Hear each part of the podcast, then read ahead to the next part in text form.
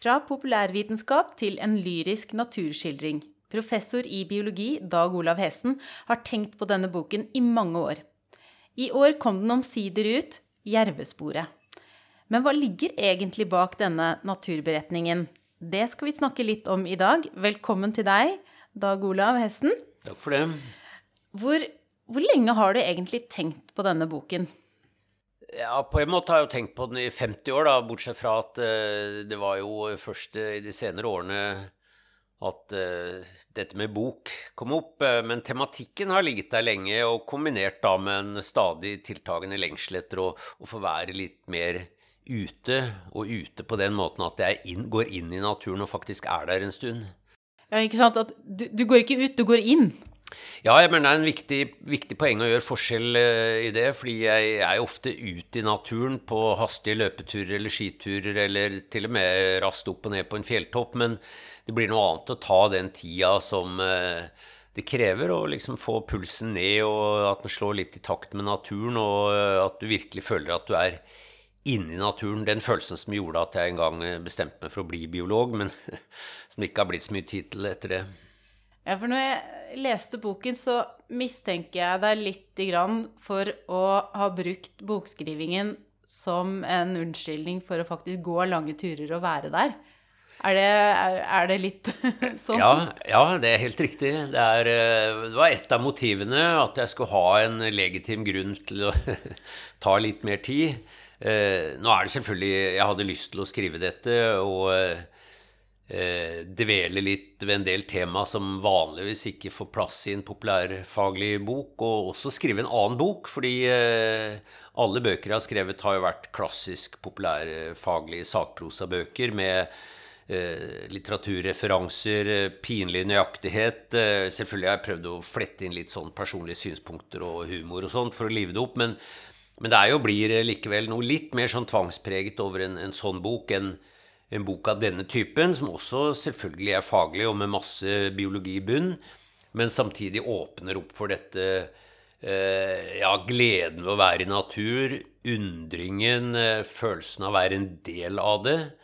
Eh, og ja, selvfølgelig også da krever dette den tida det tar å være der og registrere dette.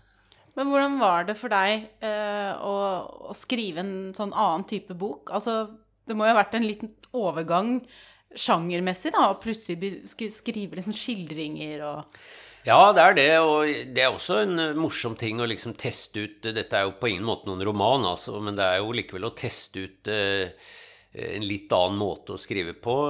Litt mer sånn eh, lyrisk. litt mer sånn eh, skjønnlitterær, faktisk. Eh, samtidig som det jo, som jeg sier, er, er mye fagkunnskap i bunnen her, da. Det må det jo være, og det er jo min min forse, men jeg syns det var morsomt. Jeg har også gjort det annerledes denne gangen, fordi mens jeg var der ute, eller inne da, i naturen, så hadde jeg med meg en notisbok, og jeg tok meg tid. Jeg la jo igjen klokke og mobil, det er sånt som også er viktig. Um, levde liksom på naturens rytme og min egen døgnrytme, og noterte underveis så langt det er mulig å notere da, følelser, og, uten at det skygga over uh, tilstedeværelsen i naturen. men men likevel som et, uh, en kilde til stoff. for det visste jeg jo at jeg skulle skrive sammen dette i noe.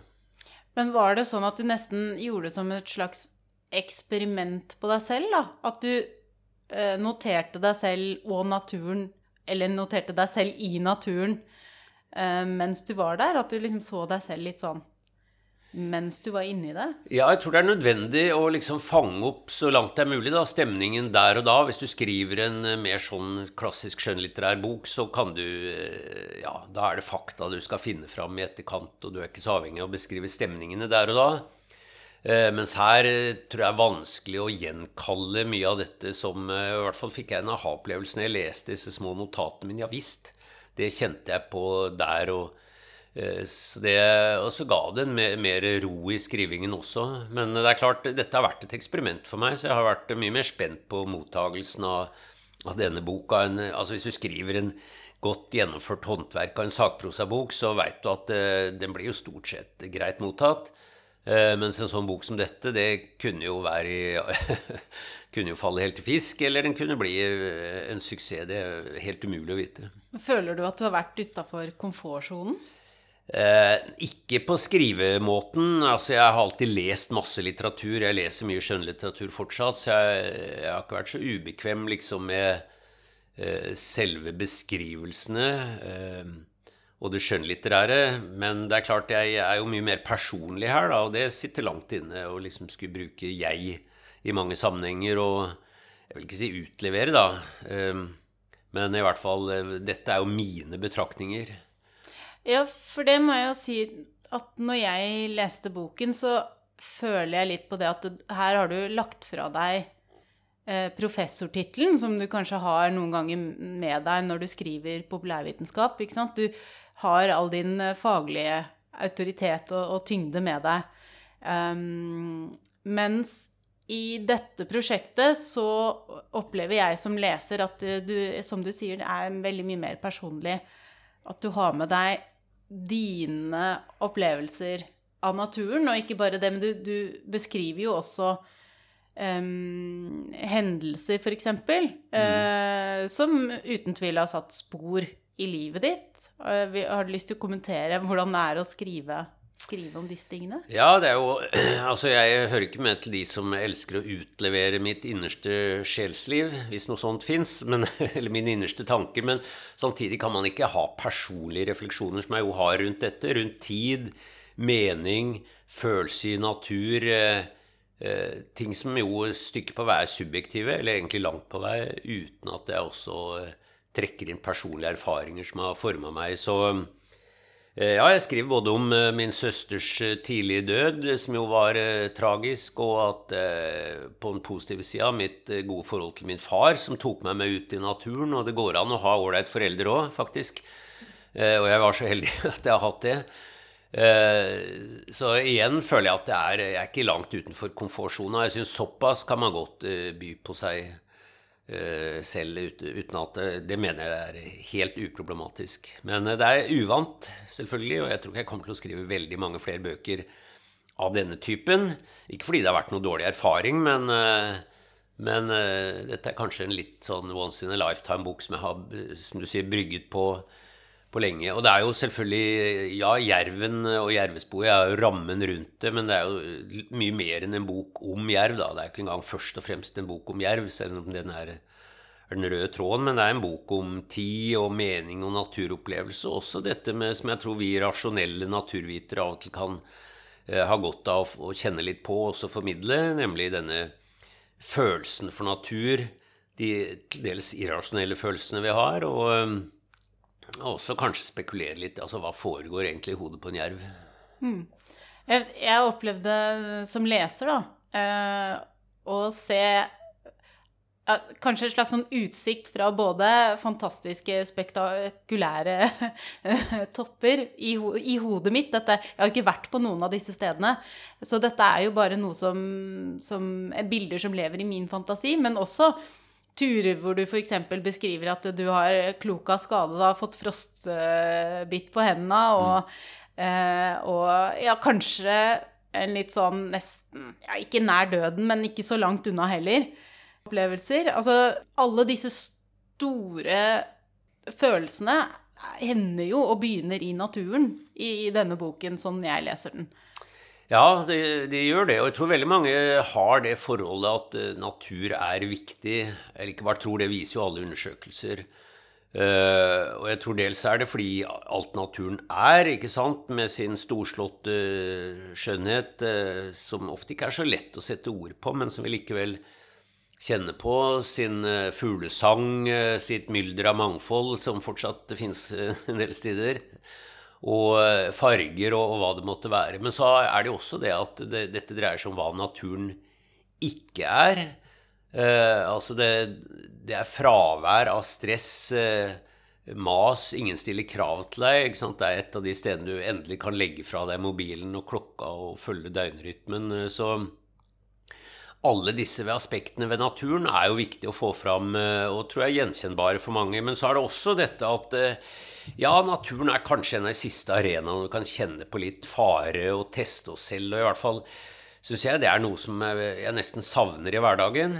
Eh, vi lever jo alle i overtrygge tilværelser, polstra på alle bauger og kanter. Og vi har en visjon med et risikofritt samfunn.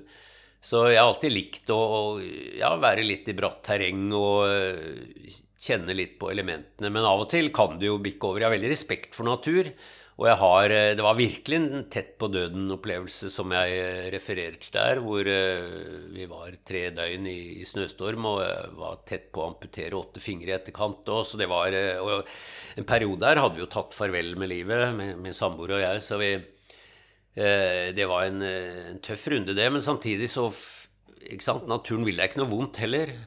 Jeg har ikke noe sånn panteistisk følsom for natur eller tenker at moder jord tar vare på meg, men den vil meg heller ikke noe vondt. Eh, likevel så er det deilig å være i naturen.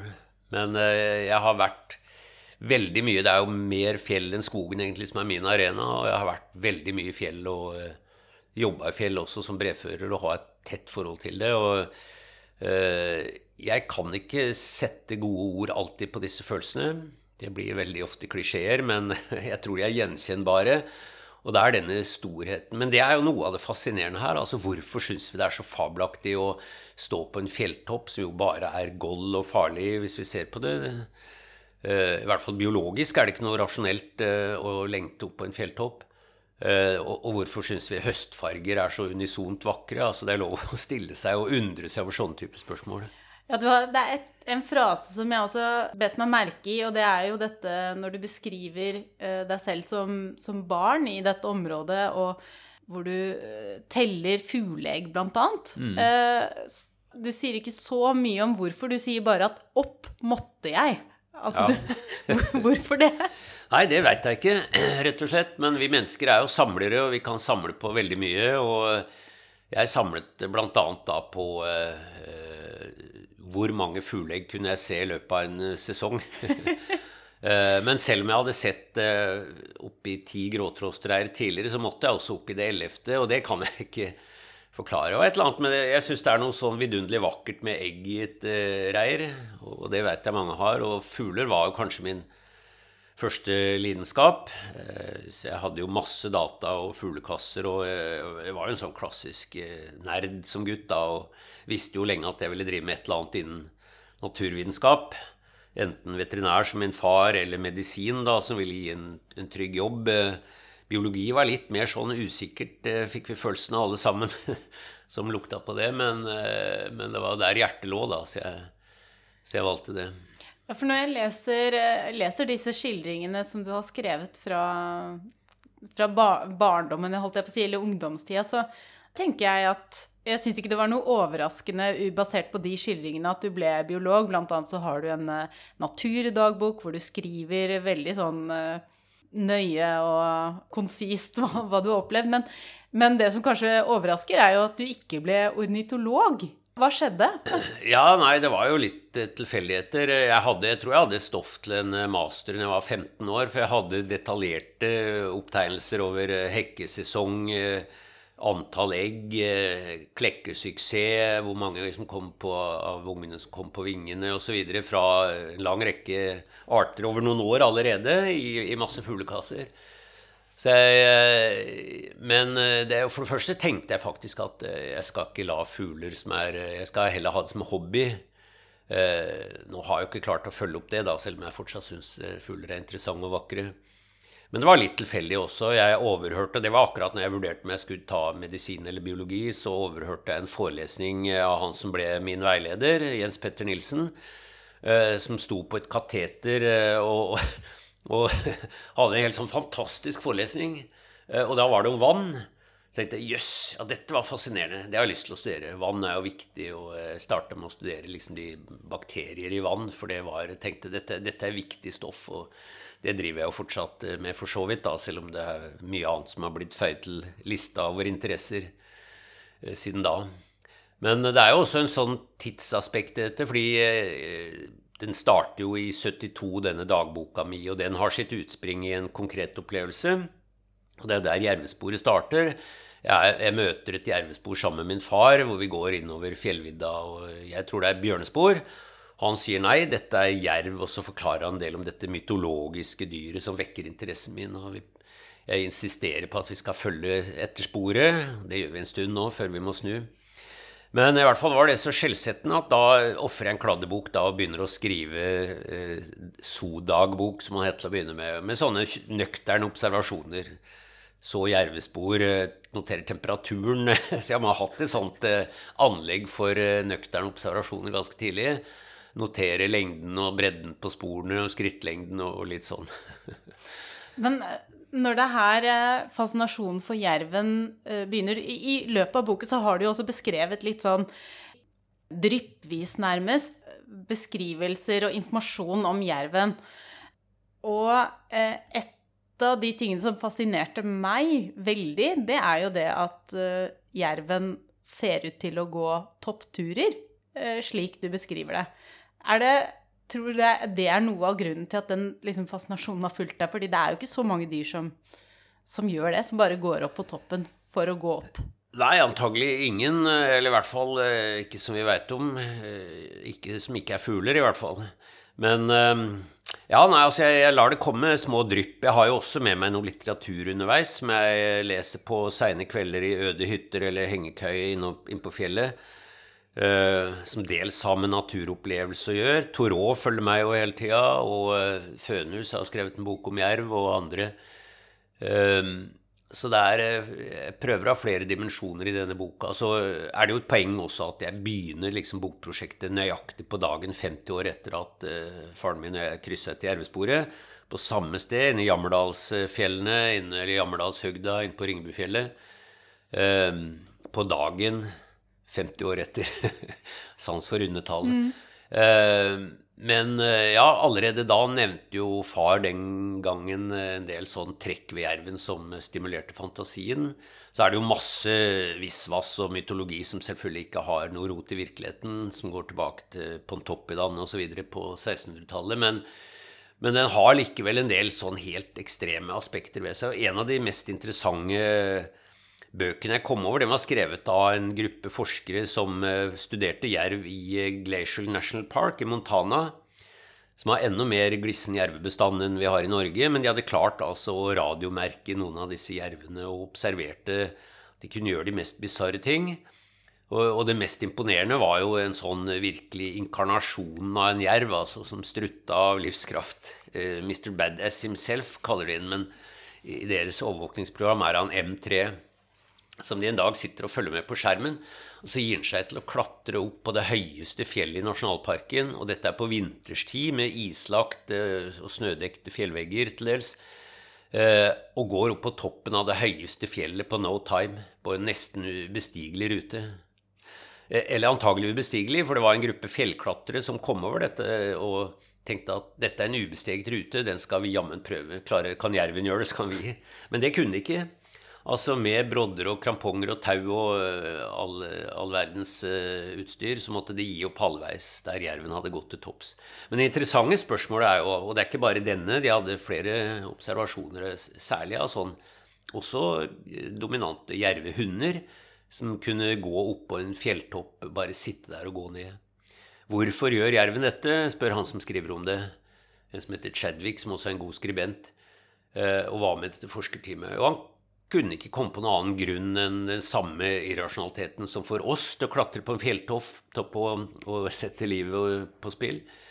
At det er en slags manifestasjon av livskraft uh, å teste ut seg selv. Og jeg kan altså gjøre det.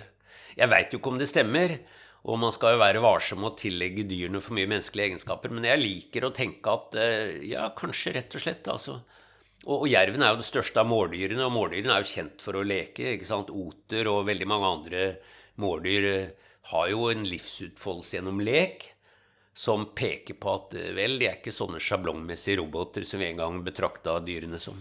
Men kanskje det ikke er en eh, menneskelig egenskap? Kanskje det er vi som er dyriske når vi når vi gjør disse tingene? At det ja. egentlig er motsatt? Ja, kanskje det, rett og slett. Det, jeg syns i hvert fall det er fascinerende. Og vi veit jo altså Dyr har jo mye av de samme signalstoffene i hjernen som oss, og de samme reseptorene.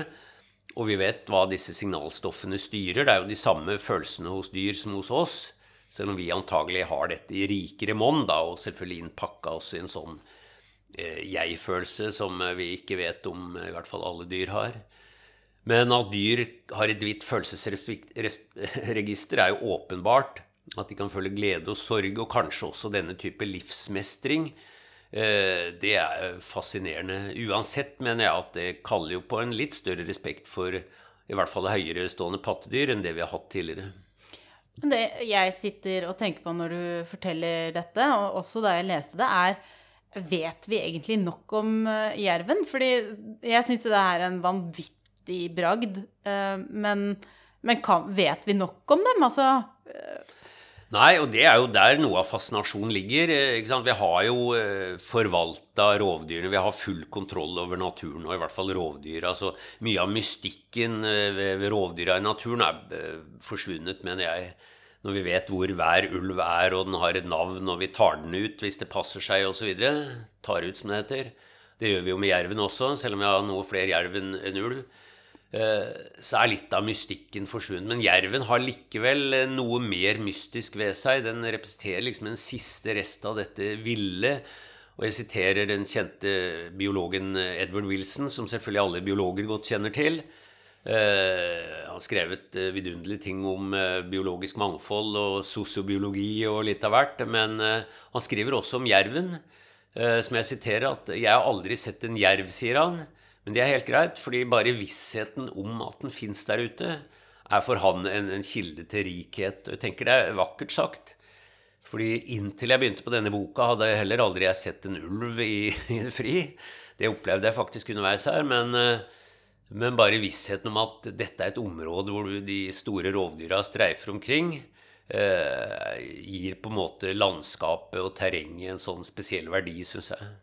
For jeg tenkte at, Kanskje tatt litt for gitt, og kanskje er det også litt naivt, men, men jeg har liksom tenkt at øh, dem kan man jo få øye på hvis man øh, vet hvor man skal gå hen. Men når du skriver denne boka, og jerven også for så vidt, men når du skriver denne boka, så tenker jeg at oi, er det så vanskelig å få øye på dem? Er det så vanskelig å komme i kontakt med de store rovdyra Øh, og den ville den faktisk ekte ville naturen? Ja, du vet, det er jo ikke mye villskap i norsk natur. Går du en skogstur, så er du jo heldig om du ser et ekorn. Og i, i, fjellet må du jo eh, Ja, du kan se rein, altså. Ofte er det jo tamrein da, i, noen regioner. Men, eh, og det er klart du kan eh, kan jo ha selvfølgelig spektakulære naturopplevelser, men først og fremst må man lære seg til å se etter det store i det lille. Og Det er også et poeng her. ikke sant? Du, du kan ikke gå til fjells og forvente å se en jerv. Heller ikke et jervespor, selv om det er på vinterstid. Eh, men du kan gjøre det hvis du er tålmodig. Og, det er jo mange folk som har sett jervespor, men ikke så mange har sett jerven. Og hvis de har sett den, så er det gjerne som en svart prikk som fjerner seg i full fart på vei bort. Ja, Men selv når man går så, så målrettet til verk som det du gjør, eh, har gjort her, da, så er det overraskende vanskelig, ser det ut som, å faktisk få lov til å se den i det ja, ville? Ja, den eh, stiller ikke opp uh, på kommando eller på bestilling. Men man må gjøre sånn som jeg gjorde, da. Men da så vi jo heller ikke jerven. Men jeg var med Statens naturoppsyn til et yngleområde. Det var en stor opplevelse. Da lå jo jerveungene i snøen uh, 20 meter fra oss der nede. Det var jo bare vissheten om det var jo stort. Og det var, vi så på jerven på viltkamera da, som hadde vært der natta før. og så det er klart, eh, er man med folk som eh, overvåker og følger jerven, så kan man jo se den. Men å møte på en jerv eller ulv eller bjørn eller gaupe for den del, sånn på lykke og fromme i norsk eh, natur, da skal man ha gedigen flaks. Men igjen, derfor er det viktig å vite at det, det finnes der. Og er man så heldig å møte på det, ja, så er det jo en fantastisk berikelse som man bærer med seg lenge. Ja, Det du sier der, tenker jeg også er viktig å si, si til folk. da, For jeg tror for min egen del, da jeg, spesielt da jeg var liten, så hadde jeg en sånn irrasjonell eh, frykt for ulv. Altså, mm. Jeg var veldig veldig redd for å møte på ulv. Men egentlig så er det jo kanskje sånn at man bør snu på det og så tenke at vel, hvis du faktisk møter et av de store rovdyra, så er du ekstremt heldig. fordi stort sett så gjør man jo ikke det. Nei, det er jo en ufattelig berikelse. Så da har man virkelig trukket et vinnerlodd. Jeg var også veldig redd for gaupe som gutt, fordi Jeg leste en bok om eh, en gaupe som eh, Eller, det var egentlig en, en, bok om en katt, husker jeg. Og den gaupa drev og jakta på denne katten, og da var det en tegning av en blodtørstig gaupe. Det var litt som Rødhette og ulven, ikke sant? Det er klart, den tegningen no, av ulven i noen av disse Rødhette-bøkene, med onde, lysende øyne og kvasse tenner, tror jeg forklarer veldig mye av ulveangsten eh, rundt om i verden. Og så er det den derre ulingen mot månen eh, ja. i mørket, tenker ja. jeg. Og det er klart, eh, altså Bjørn eh, bør man ha respekt for i norsk natur, og i hvert fall på Svalbard. Jeg opplevde å bli eh, fulgt av isbjørn, og da får man ganske høy puls. Men i norsk natur er, er det jo virkelig ikke mye å være redd for, altså. Jeg møtte jo underveis her på ulv, faktisk. Jeg gikk aleine på langt unna folk på en liten gjengrodd sti. Og ser plutselig et grått dyr som krysser stien et stykke foran meg tenker det var da en påfallende stor rev, og så langbeint, og så er den grå. Så skjønte jeg jo at dette er en ung ulv som har kommet over fra Østerdalen. da. Så En ung hannulv antagelig som er på vandring. Eh, og det var jo en fantastisk ikke sant, På jakt etter jerven så møter jeg ulven som jeg aldri har sett før i, i, i fri dressur, i, i vill natur. Og natta etter så lå jeg i hengekøye blant de øverste fjellbjørkene inne på fjellet og tenkte at det hadde vært fantastisk stilig nå i solnedgangen å få se uh, ulven igjen. Den var jo da over alle hauger. Men på natta der så våkner jeg da av et, uh, et, skrik. Så tenker jeg er dette noe jeg har drømt, eller var det virkelig et skrik? Uh, og når jeg slår opp øynene, så er det en sånn gul fullmåne bak bjørketrærne. Og det er virkelig en sånn magisk stemning. Og så skriker det en gang til. Og så er det helt stille. Og akkurat da et øyeblikk så reiste nakkehårene seg, det skal jeg innrømme, men eh, det var en irrasjonell frykt. Jeg, jeg skjønte det. og jeg, jeg, tror det må ha vært gaupe, rett og slett. Det, det hørtes ut som gaupeskrik. Det var i hvert fall verken jerv eller ulv. Men eh, det er sånne opplevelser som gjør at ja, det er faktisk kan man oppleve elementer av, eh, av villskap i norsk natur fortsatt. Ja, For du ligger jo der alene. Uh... Ja, det er jo litt av poenget. ja. Jeg mener det burde være livspensum at mm. alle hadde eh, i hvert fall noen dager aleine uten mobilen og bare med sine egne tanker og stjernehimmelen over seg. Jeg tror det har vi alle veldig godt av. Mange er redd for det, men eh, ja, jeg syns i hvert fall det er en fin opplevelse. Litt sånn som i, i Per Gynt, da, at man møter eh, knappestøperen der inne ja, når ja. man er alene. ja, tror jeg har godt av å møte oss selv litt av og til, altså. Ja. På godt men, og vondt. Men hva var det som gjorde Er det, er det dette første møtet med jervesporet for 50 år siden som ble den store fascinasjonen? Kunne det ha vært ulv eller gaupe som, ja, som ble en bok? Eller hva, ja, måtte det bli jerv? Nei, men jeg følte, altså jeg har skrevet masse om ulven, ikke sant. Bjørn. Jeg følte de andre er liksom kjent. Ja, gaupa jo, har jo også det, litt av det samme mytiske med seg. Men uh, jeg hadde mer forhold til til jerven. Eh, så eh, for meg var det naturlig. Eh, men som sagt, altså det lå jo ikke klart planer om en bok, eller at jeg skulle Og jeg har jo ikke vært sånn kontinuerlig fascinert av jerven, men på et eller annet vis har nok det der skjellsettende møtet med jervesporet og fars fortelling om jerven da ligget i, i bakhodet. Og så har jeg fra tid til annen kryssa jervespor, og ja, fascinasjonen har jo blitt vakt til livet. Men det er også noe med sant, det denne jerven symboliserer mer enn noe annet.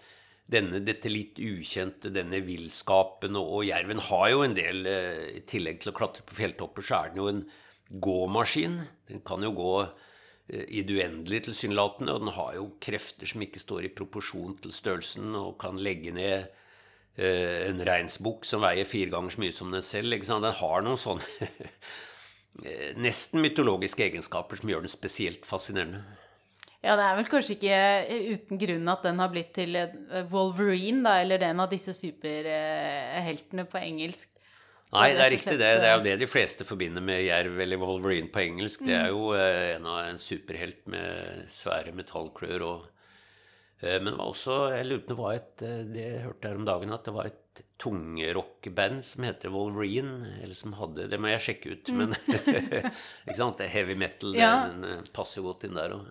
At det blir ikke mer vilt enn det, nesten? Nei, det gjør ikke det. Og selv om jerven også selvfølgelig er overvåket og tas ut og øh, kontrollert og regulert, Mm. Eh, Sånn som all natur er, så eh, har den dog beholdt da denne resten av noe vilt ved seg.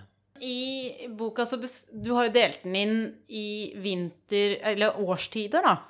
Og det starter jo med denne, denne skildringen, og så er det jo i, i naturen å besøke denne hytta flere ganger. Og så skriver du litt om nostalgi. Er det, er det noe av grunnen også til at denne boka har blitt til nå? At eh, du føler at ok, dette her er en slags sånn en livsberetning, da, rett og slett?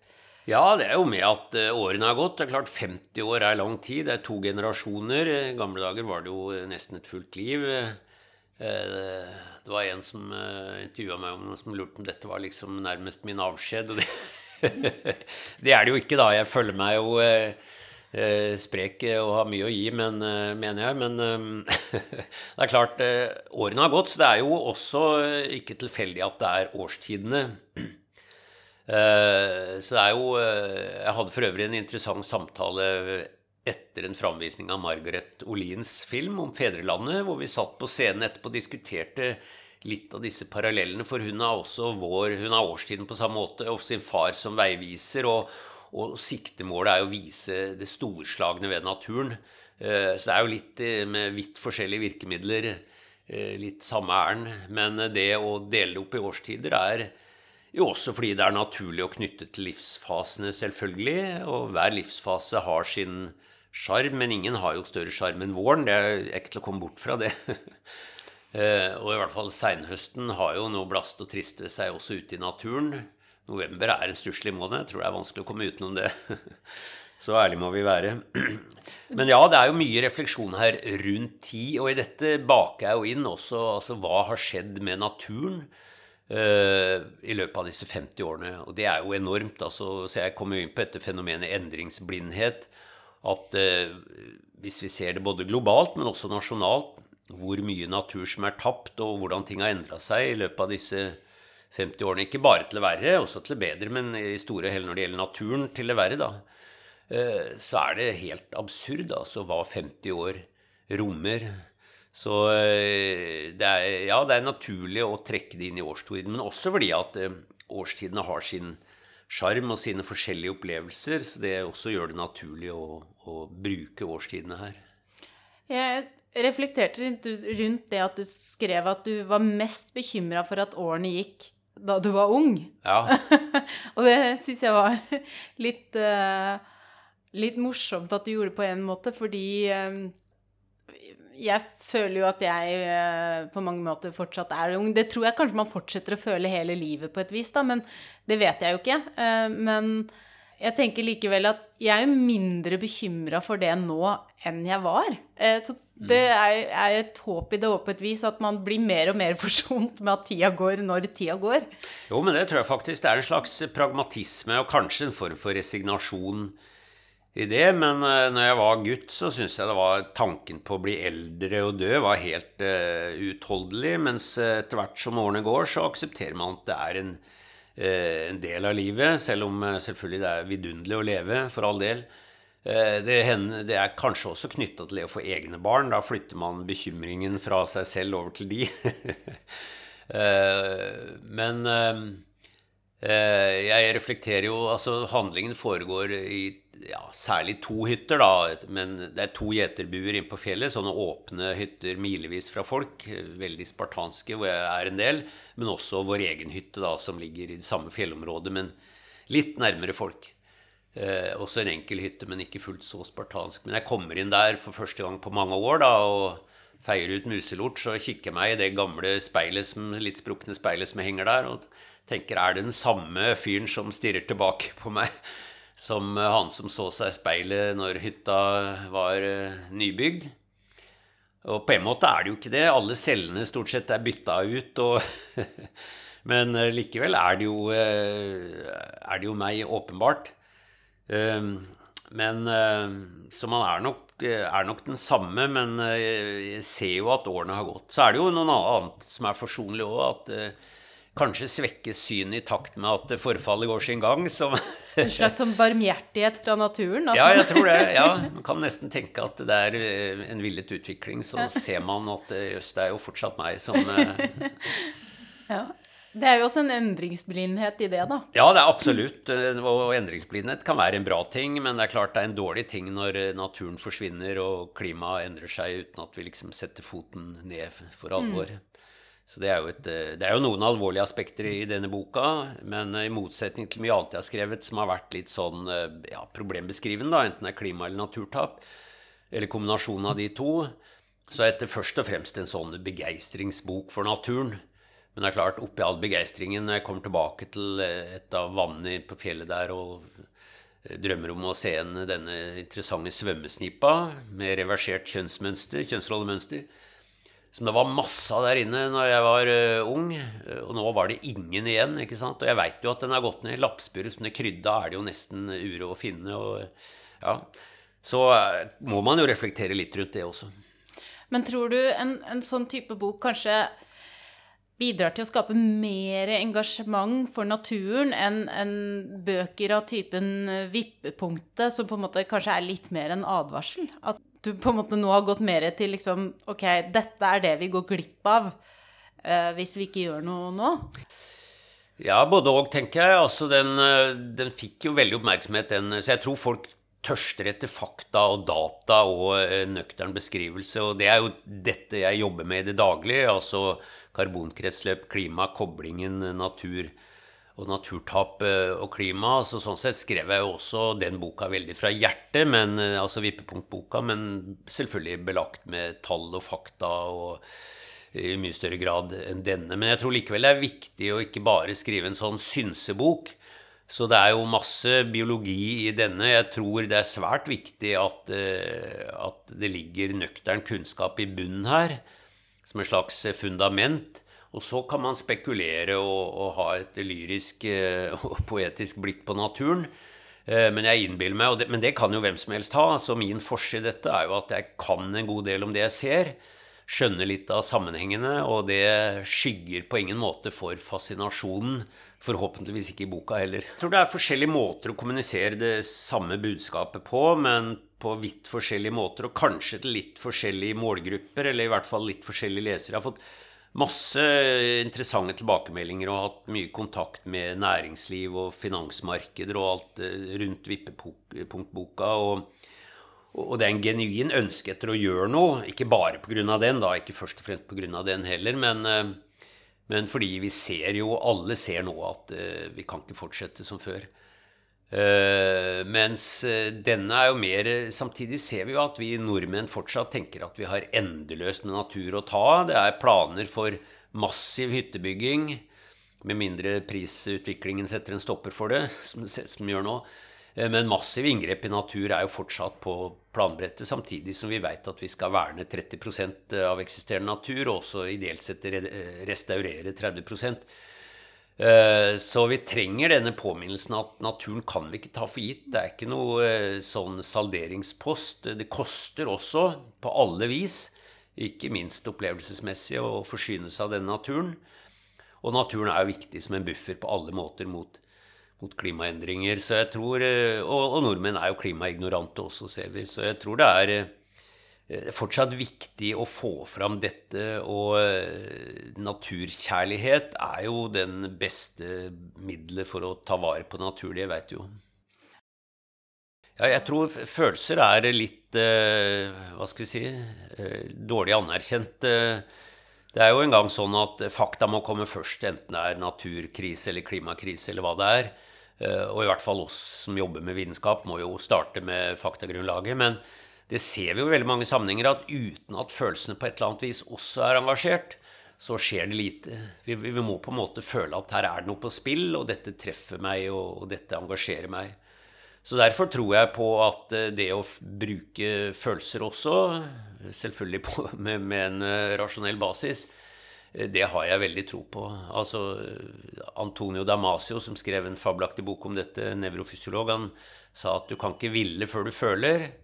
Og det koker jo ned til at eh, ja, følelsen og nevrotransmittoren er det som kommer før handlingen. Da håper jeg at, eh, at vi har klart å aktivere noen nevrotransmittere der ute hos, eh, hos folk flest, og at det kan bidra til å ja, skape et engasjement. Kanskje det er flere som tenker at vet du hva, om det holder å vite at jerven er der ute, men da må vi på en måte vite at den, den er det, også for fremtidige generasjoner. Nettopp. Ja, Og- hvis, eh, hvis boka kan ha den effekten, så har den fylt sin misjon. Vi får håpe det. Jeg tror vi skal runde av nå, men tusen, tusen takk for at du tok deg tid til å snakke om Jervesporet. Det var veldig ålreit å lese den, og veldig fint å snakke med deg. Flott. Tusen takk selv. Og så får eh, vi håpe at lytterne våre har uh, syntes at det var eh, ålreit å få lite innblikk i, i det, og kanskje de også leser boka. Men det aller viktigste er vel kanskje først og fremst at man får en slags sånn naturkjærlighet, da. At man kan ha med seg det. Og med det så sier vi tusen takk til eh, Dag Olav Hessen. Vi høres.